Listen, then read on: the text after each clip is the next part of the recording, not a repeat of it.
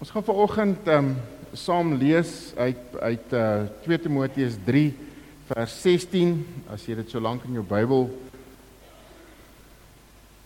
wil opsoek.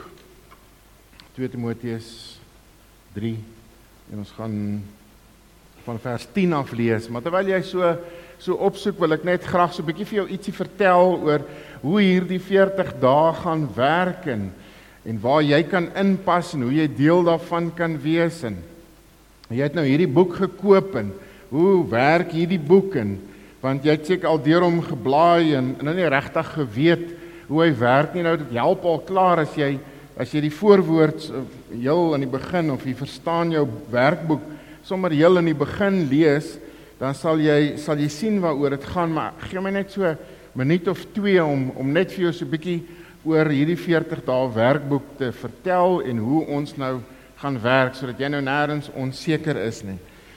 40 dae bestaan uit vier belangrike pilare. Die eerste is is dit in ons erediens wat ons elke Sondag van vandag vir die volgende tot 6 weke gaan ons fokus op temas wat by hierdie by hierdie ehm um, 40 dae in die woord aansluit. Jy kry ook in jou rooi klippie jou preeknotas waarby jy aantekeninge kan maak. So bring 'n pen saam en en dan kan jy sommer 'n paar dinge vir jou neerskryf vir oggend. Die tweede ding is ons gaan 'n onthou vers hê. Hierdie vers staan in jou boek. Ek gaan dit ook gee aan die einde en ons gaan dit ook uitdeel. Uh net nou die 40 dae ouens gaan help daarmee met met wat jy dan nou op jou aan jou sleutelhouertjie wat jy verlede week gekry het kan gaan aansit. So elke week gaan jy hierdie onthou vers vir hierdie week. En hierdie vers moet jy en is regtig nie so moeilik nie. Probeer dit onthou ehm um, en leer om en memoriseer hom. En as jy dalk dit gebeur dat jy 'n Sondag nie hier kan wees nie en jy het nou daai versie nou nie gekry nie, dan kan jy die voriges by die uh, in die voorportaal gaan kry. So as jy dalk nog nie 'n stedelhouer gekry het nie, gaan vra net 'n bietjie daar by die inligtingstoonbank. En uh, sit hom asseblief aan jou aan jou sleutels sodat jy dit kan onthou en kan gereeld kyk daarna. Ons het ook hierdie werkboek en as jy nog nie een het nie, kan jy vir een gaan koop. Dis die boek wat ons gaan gebruik ook in ons groepe en ek gaan dit nou-nou verduidelik of in jou persoonlike stilte tyd kan jy dit gebruik en dan uh, het ons ook dagstukkies en die dagstukkies en uh, alles wat ek nou sê as jy dit nou gaan dalk vergeet staan in jou rooi klippie presies hoe en wat. In jou dagstukkies het ons 'n telefoonnommer wat jy ehm um, stoor op jou foon en dan WhatsApp jy jou naam en nommer na hierdie hierdie foon toe en dan gaan jy die aand voor die tyd gaan jy 'n uh, 'n link kry na jou dagstukkie. Nou die dagstukkies is so 7 minute lank.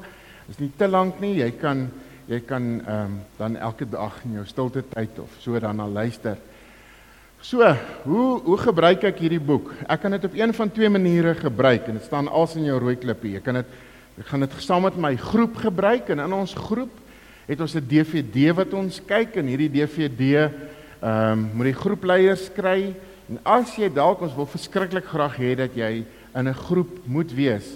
So as jy dalk vriende het, dan hulle hoef nie ons gemeente te wees nie en jy wil saam met hulle net vir hierdie 6 weke wat nou kom saam met saam met hulle 'n uh, groepie doen. Besluit op 'n tyd saam, dalk is dit mammas wat by die skool saam met jou kuier by die patathek of dalk is dit mammas wat saam met jou in die kraamsaal was toe jy in die kraamsaal was of pappas wat vriende besaam by die stoei klap is of wat ook al. Uh kom by mekaar want ons wil ook oor die Here en oor die woord met mekaar vriende wees. En uh dan is daar so DVD wat jy ook kan kry by die voorportaal. Daar is nie op die oomblik so baie nie. So as jy wil hê, dan kan jy gaan vra dat hulle so lank vir jou een dan bestel, dan kan jy daarbey inval. So so uh in jou dagboek sal uh, in jou werkboek gaan jy die volgende onderwerpe sien. Jy gaan 'n uh, kyk vorentoe kyk wat jy in jou selgroep of alleen uh ook kan 'n uh, bietjie na kyk. Uh, Daar's 'n memory mem, uh, ver uh, onthou vers wat jy memoriseer. En dan is daar 'n video sessie, die video sessie waarvan ek nou gepraat het. En wat ons in hierdie 6 weke gaan doen in ons in ons sessies is ons gaan fokus op maniere om stilte tyd te hou, om die woord te lees. So 'n uh, Rick Warren gebruik op 'n stadium die beeld van 'n van 'n koei wat kos herkou en weer herkou. So om bietjie nie net vinnig Bybel te lees of 'n stukkie te lees of en dan net aan te gaan, maar om dit regtig deel van jou te maak, toe te laat dat dit jou verander, dat dit inspreek in jou lewe. Dit is ses metodes wat ons gaan doen om dit ook prakties in ons lewe te maak. En dan kan jy ook hierdie werkboek gebruik uh alleen as op jou eie uh sonder 'n DVD. Ek wil nou net jy moet 'n boek gekoop het en as jy nou nie die DVD kan kry nie dan dan jy nou niks van die boek nie. So jy kan ook die onthou onthou vers leer die leefdoelgerig gedeelte. Jy sal dit sien in die in die hoofies daarso ek gebruik hoofstuk 1 as 'n voorbeeld in die afkondigings en dan hoe jy leiding vir gebed kan kry en dan om dieper te delf ehm um, en jou joernaal wat jy kan skryf. So dis alles gedeeltes manier hoe jy hierdie boek kan gebruik. So blaai deur hom, lees die uh uh die hoe jy om die metode hoe om te gebruik en besluit hoe jy jou boek gaan gebruik. Ons begin vanoggend met week 1 en uh alles in hierdie week, die memoriseer vers, die die groep sessie wat jy saam met jou selgroep het, dit vind plaas van vandag tot Saterdag. Volgende Sondag begin ons met week 2. So ek het sommer net ehm um, die voorbeeld van week 1 die uh, daarso vir die bladsy nommers gegee en die temas. So sommer net so vinnig kyk oor wat is die temas wat ons in die volgende ehm um, 6 weke gaan behandel.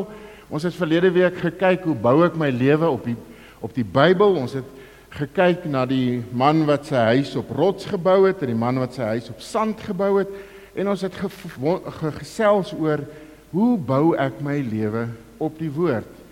En uh, vanoggend gaan ons kyk bietjie by waarom kan ek die Bybel vertrou? Waarom kan ek die Bybel vertrou? Volgende week, hoe verander die Bybel ons? Hoe raak hoe raak om om raak te sien wat God wil hê ek moet sien? Ehm um, die 1 Maart, hoe moet ek die Bybel bestudeer?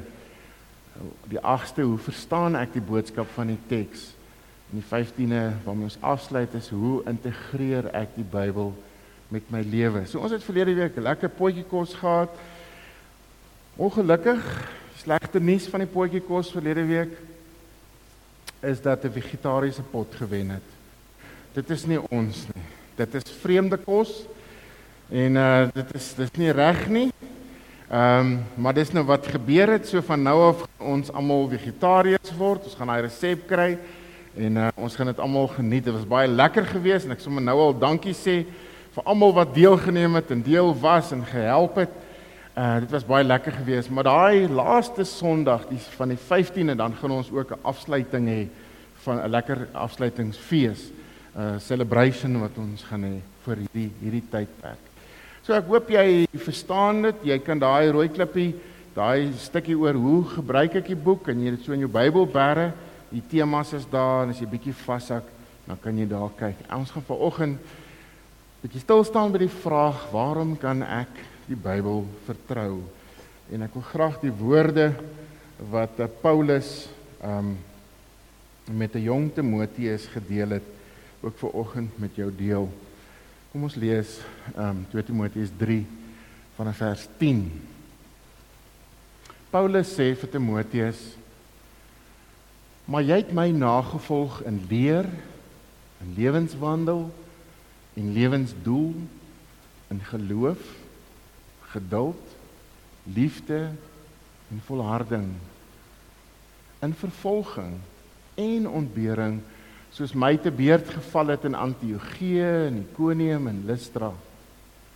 Watter vervolging moes ek nie alles verduur nie. Want die Here het my uit almal gered. Almal wat in Christus Jesus toegewy aan God wil lewe, sal vervolg word. So dis nou 'n positiewe vers om mee te begin op 'n Sondagoggend. Maar die Bybel maak geen geheim daarvan dat die pad van 'n gelowige in hierdie wêreld is nie so maklik nie. As jy wil geestelik groei, as jy wil bly by wat jy geleer het en jy volhard daarin, kan jy verwag dit gaan nie alles so maklik wees nie. Maar goddelose mense en bedrieërs vers 13 sal voortgaan van kwaad tot erger. Hulle mislei ander, Jy word self mislei. Maar jy bly by wat jy geleer het en wat jy vasglo. Jy weet tog wie jou leermeesters was. En jy ken van kleins af die Heilige Skrif. Dit kan jou die kennis bybring wat tot verlossing lei deur die geloof in Christus Jesus. Die hele skrif is deur God geïnspireer. Ons wil veral hierdie vers waarby ons gaan stil staan. Die hele skrif is deur God geïnspireer en het groot waarde om in die waarheid te onderrig, dwaling te bestry, verkeerdhede reg te stel en 'n regte lewenswyse te kweek. Soos die man wat in sodat die man wat in diens van God staan, volkome voorberei en toegerus sal wees. Vers 16 net weer die hele skrif is deur God geïnspireer en het groot waarde om in die waarheid te onderrig dwaling te bestry, verkeerdhede reg te stel en 'n regte lewenswyse te kweek sodat die man wat in diens van God staan volkome voorberei en toegerus sal wees vir elke goeie werk.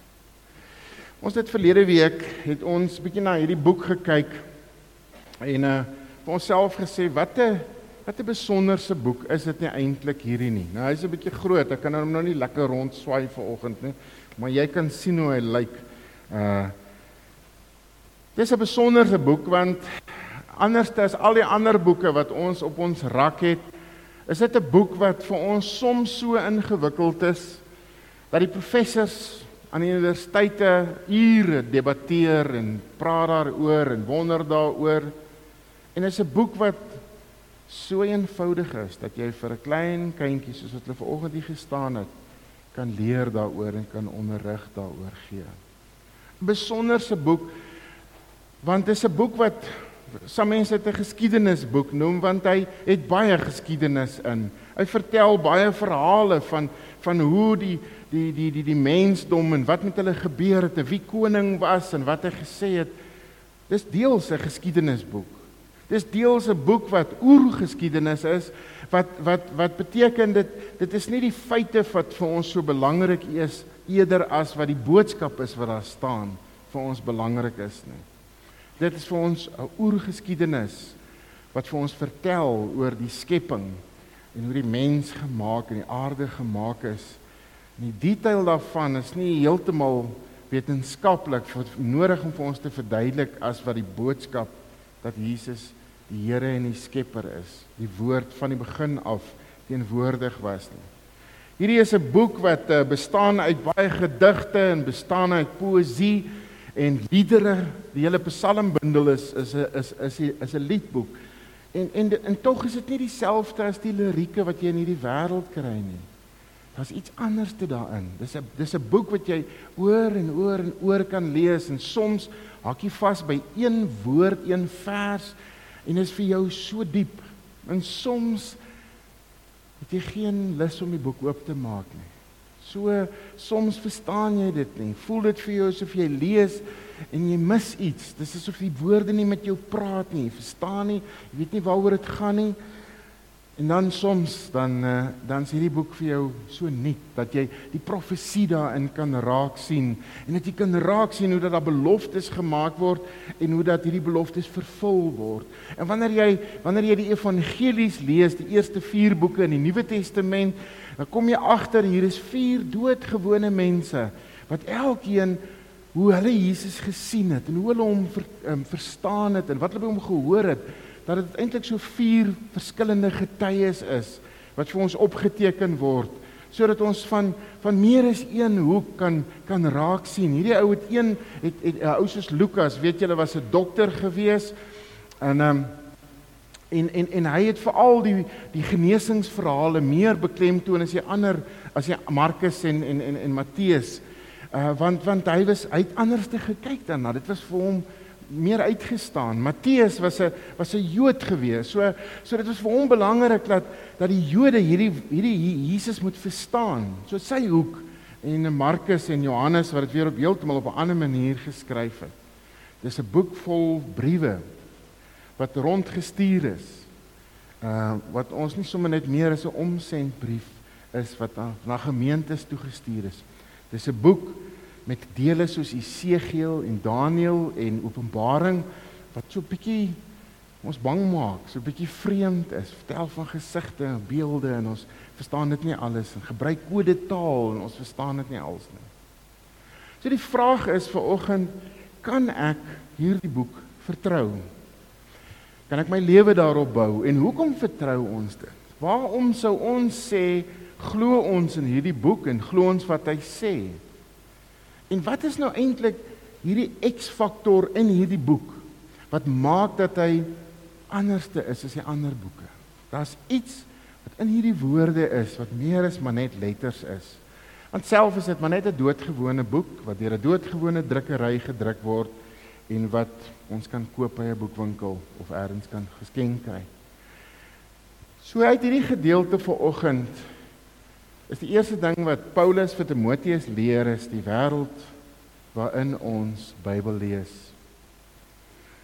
Timoteus Paulus sit in die tronk as gevolg van sy geloof. Hy het hierdie jong man Timoteus gehelp om op die been te kom. Hy het self Timoteus het self lyk dit vir ons nie 'n pa gehad wat die Here gedien het nie. Sy ma en ouma was gelowiges gewees en Paulus was in 'n sekere sin sy pa, sy mentor gewees. En nou sit nou sit Paulus in die tronk en en as jou as jou mentor, die een waarna jy opsien in die tronk sit, dan dan is dit seker begin jy te wonder is dit nou die moeite werd om hom te volg? Is dit is dit die moeite werd om na hom te luister? En dan begin Paulus vir Timoteus te vertel en dan sê hy van oh, ek lees nou in Hoofstuk 3 vers 1 in die laaste dae sal daar swaar tye kom. Mense sal selfsugtig wees, hulle sal geldgierig wees, hulle sal grootpraterig en verwaand en beledigend teenoor hulle medemens wees en on, ongehoorsaam aan hulle ouers, ondankbaar, ongodsdienstig. Hulle sal liefdeloos en onversoenlik wees, kwaadpraters, bandeloos en wreed, sonder liefde vir die goeie. Hulle sal verraaiers wees, hulle sal roekeloos en hooghartig wees, eerder liefde vir genot as liefde vir God. Nog die uiterlike skyn van godsdienst sal hulle hê, maar die krag van die godsdienst sal hulle nie ken nie. Dit kon net sowel vir oggend geskryf wees. Dit is net sowel ook die kenmerke van die wêreld waarin ons lewe. En dit is verskriklik belangrik dat ons sal agterkom waar hoe lyk die wêreld waarin ons Bybel lees. Want want die wêreld is, dit weet jy net so goed soos ek, die wêreld is nie kerkvriendelik of Jesus vriendelik nie. Die wêreld is nie Bybelvriendelik nie. Die Bybel is nie die topverkoper by exclusive books in in in in Clearwater nie. Die Bybel is nie waarskynlik nie die boek wat die meeste bestel word deur Takealot nie. Die Bybel is geskryf in 'n tyd toe dit swaar gegaan het. In die laaste dae sal daar swaar tye wees. En dis die wêreld waarin ek en jy ook leef.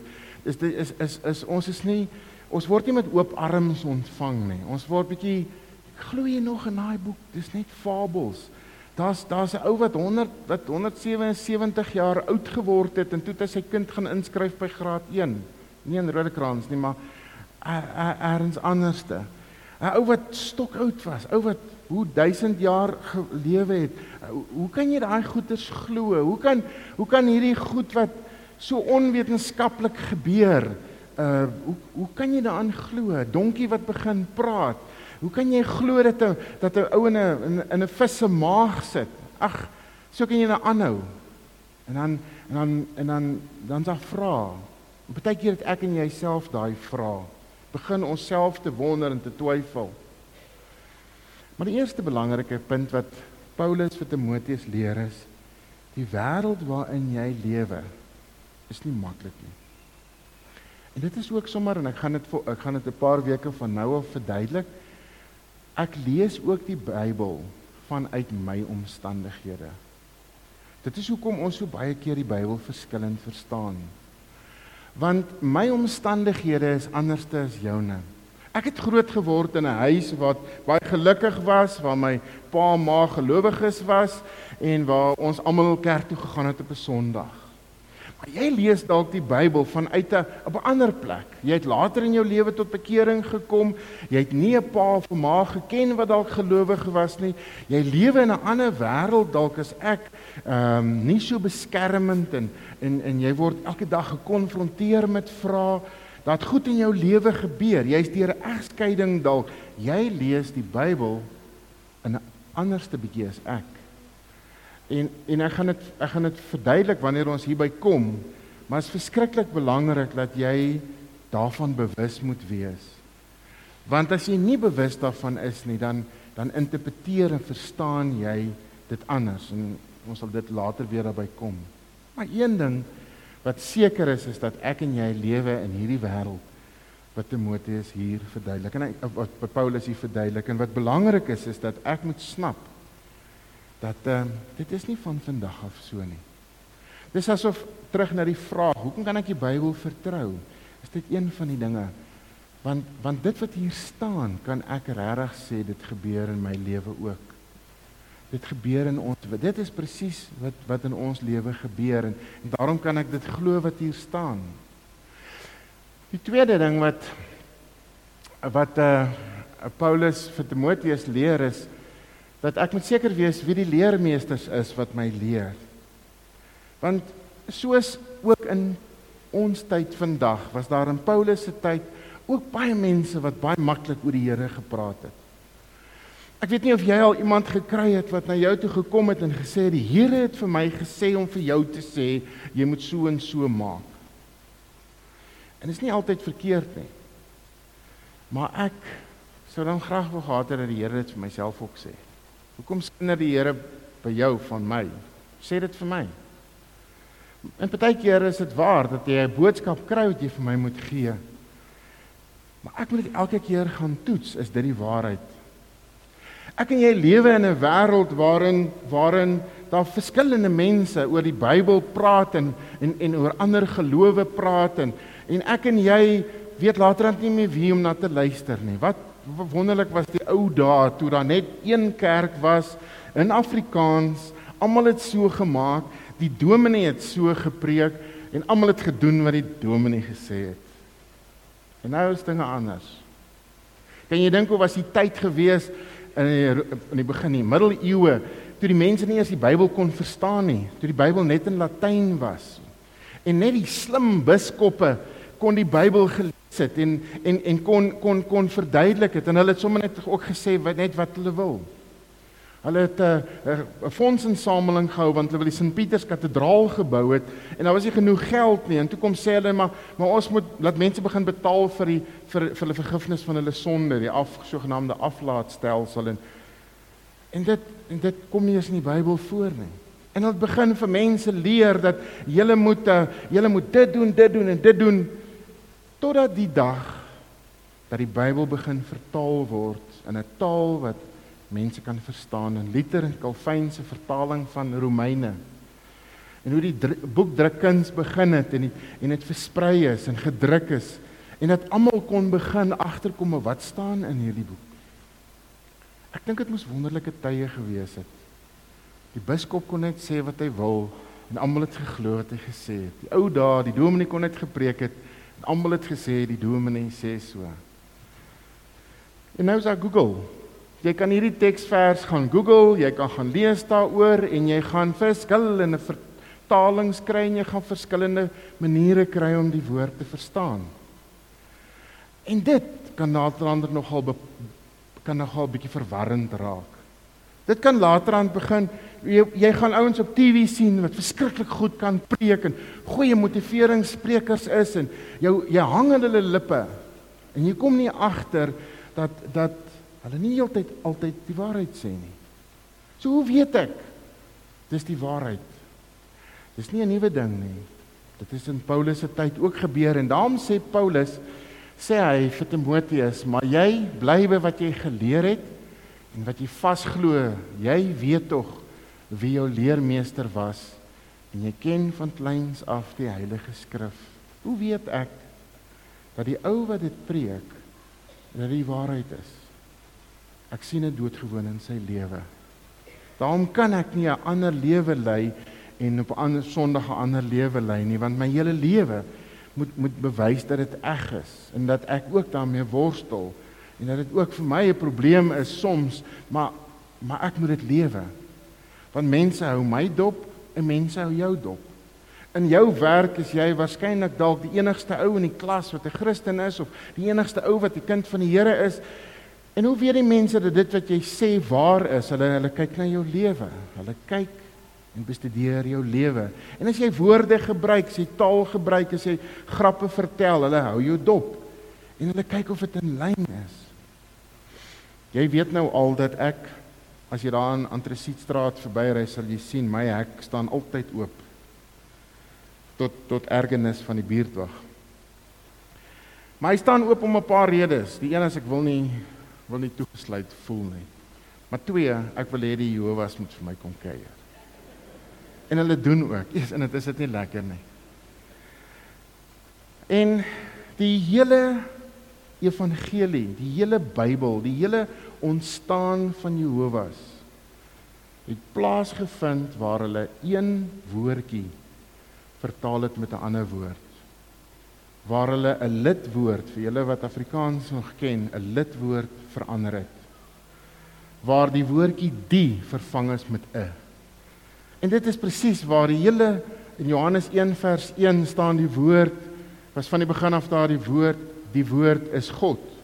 En dan het hulle dit verander met die woord is 'n God. Dit net daai en daai woordjie die word 'n klomp kere in vers 1 gebruik. Maar net wie die en hulle vertaal hom met die tot by hierdie punt en dan ver, vervang hulle met die woordjie 'n. So God of Jesus is maar net 'n God. Hy is nie die God nie. Hy's ondergeskik aan God die Vader. En hulle hele hulle hele leer is gebaseer op hierdie punt dat Jesus is nie werklik God nie. En in my, my gesprek nou la, laas keer het ek regtig ontsettend hartseer geword. Nie nie kwaad nie, nie gefrustreerd nie, maar hartseer want ek vra vir hulle, uh glo julle in hierdie Jesus? Ja, hulle glo in hom. En en en en ek sê vir hulle, maar glo jy dis 'n gewone mens? Hulle sê ja, dis 'n gewone mens. Ek sê, bou jy jou hele verlossing op 'n iemand, 'n gewone ou wat vir jou aan die kruis sterf? En jy word sommer so hartseer want jy besef hierdie ou verstaan nie. Dis nie vir hom God nie. Dis nie God wat vir hom uitreik nie. Dit is maar net 'n gewone mens. So daar's baie baie verskillende sienings om die woord te verstaan en daar's baie mense wat leermeesters is, wat mooi kan praat, wat se wat se stem so, so soet soos heuning is. Maar dis die waarheid. En Paulus sê vir Timoteus twee goeters. Kyk wie jou leermeester was. Kyk dit in my lewe en kyk dit in die woord. Die woord wat jy ontvang het van kleins af waarmee jy groot geword het. Die derde is die waarde van die Bybel wat Paulus vir Timoteus verduidelik. Die hele skrif is deur God geïnspireer en het groot waarde om in in die waarheid te onderrig, dwaling te bestry, verkeerdhede reg te stel en die regte lewenswyse te kweek. Die man wat in diens van God staan, volkome voorberei en toegerus sal wees vir elke goeie werk. En hierdie woordjie geïnspireerd ehm um, vers in die begin, die hele skrif is deur God ge, geïnspireer. Die woordjie wat daar gebruik word is theopneustos wat beteken twee woorde, theos wat God beteken en pneustos wat lig beteken of asem beteken. God het letterlik sy asem ingeblaas in hierdie woord. En en en dit is die X-faktor waarna wat hierdie woord anders maak. Wat dit nie sommer net 'n geskiedenisboek maak of maar net nog 'n gedig nie, is omdat God letterlik sy asem in hierdie woord inge in die, in die woord ingeblaas het sodat dit kan lewe en lewe kan gee, soos wat hy die mens geskep het in die begin. En nou sal jy en nou wil ek jou uitnooi as jy Bybel lees in hierdie tyd dat jy hierdie asem van God met respek gesê sal ruik. Dat jy so na aan hierdie woord kom dat dat dat jy letterlik God kan ruik, kan kan kan agterkom in hierdie woorde dat dit God is wat met my praat. Want jy sien God gee nie hierdie woord sommer net so uit die Bybel word gedruk by die drukkery daarbo en ge, ge, vir ons gegee nie. As jy die Bybel lees, dan is dit gewone mense se lewenspad wat opgeteken word. Gewone mense wat in God glo, gewone mense wat God dien. En wanneer die Bybelskrywers dit neerskryf, dan is dit doodgewone verhale van mense van 'n man wat verlief word op 'n vrou of 'n of 'n ma wat haar seun en haar twee seuns en haar man aan die dood afstaan en terugkom vir uh, uh, Naomi kom terugkom na Bethlehem toe en die hele boek Rut word geskryf. Dit is doodgewone verhale, maar omdat God inspreek in dit word dit woord wat met my praat. So dit is 'n samestelling van wette, van geskiedenis, van evangelie, van briewe, van apokaliptiese uh, uh, leesstof. Maar dit is deur God geïnspireer.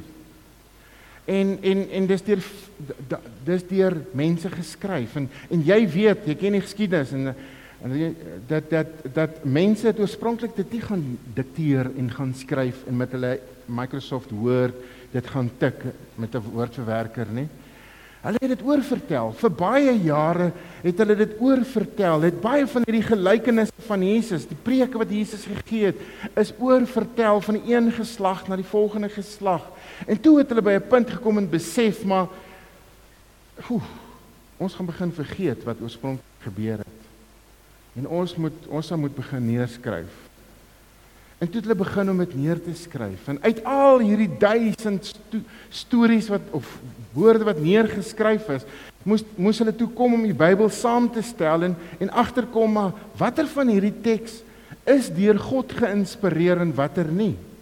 Want daar is party van die teks wat jy net kan lees en sien maar joh, histories by. Dit kan nie dit is nie dit kan nie waar wees nie. So die ouens wat die teks saamgestel het uiteindelik het gekyk dat hulle na die heel oudste teks toe kan gaan wat hulle kan kry. En so is die Bybel saamgestel en onder leiding van die Heilige Gees is die Bybel in 'n kanon vervat wat ons vandag lees. Die waarde van die Bybel is om vir my te onderrig, dwaaling te bestry, verkeerdhede reg te stel en die regte lewenswyse te kweek. Ek weet nie wanneer laas het jy 'n e-pos van SARS gekry wat sê dat hulle geld in jou bankrekening wil inbetaal nie. Ek kry dit gereeld. Ek kry van Netbank state en ek is nie eers by Netbank nie. Ek kry van Absa e-posse wat vir my geld beloof en sê daar's geld inbetaal en ek is nie eers by hulle nie. En ek raak opgewonde oor hulle almal maar ek weet dit is nie waar nie. Ek weet ek moet daai ding so vinnig as moontlik delete. Ek wil hom vir al my vyande forward, maar ek gaan dit maar nie doen nie. So dit is nie waar nie. En soms in ons lewe moet ons besef dat daar seker goed wat ek moet delete wat nie die waarheid is nie. En moet ek waarheid is en moet ek hierdie woord gebruik om my te vorm en wanneer die wêreld skeef trek dan moet ek hierdie woord gebruik om vir my reguit die pad te trek om te sien wat die waarheid is. Want as ek dit nie doen nie, as hierdie boek vir my geslote bly, as hy vir my 'n brandlys word waarvan ek die kode vergeet het, dan gaan ek my eie mening begin te kry en my eie mening begin te vorm en my eie mening begin glo. As ek nie die Bybel gereeld lees nie, dan gaan ek later aan my eie standpunt gaan dan my godsdiens word.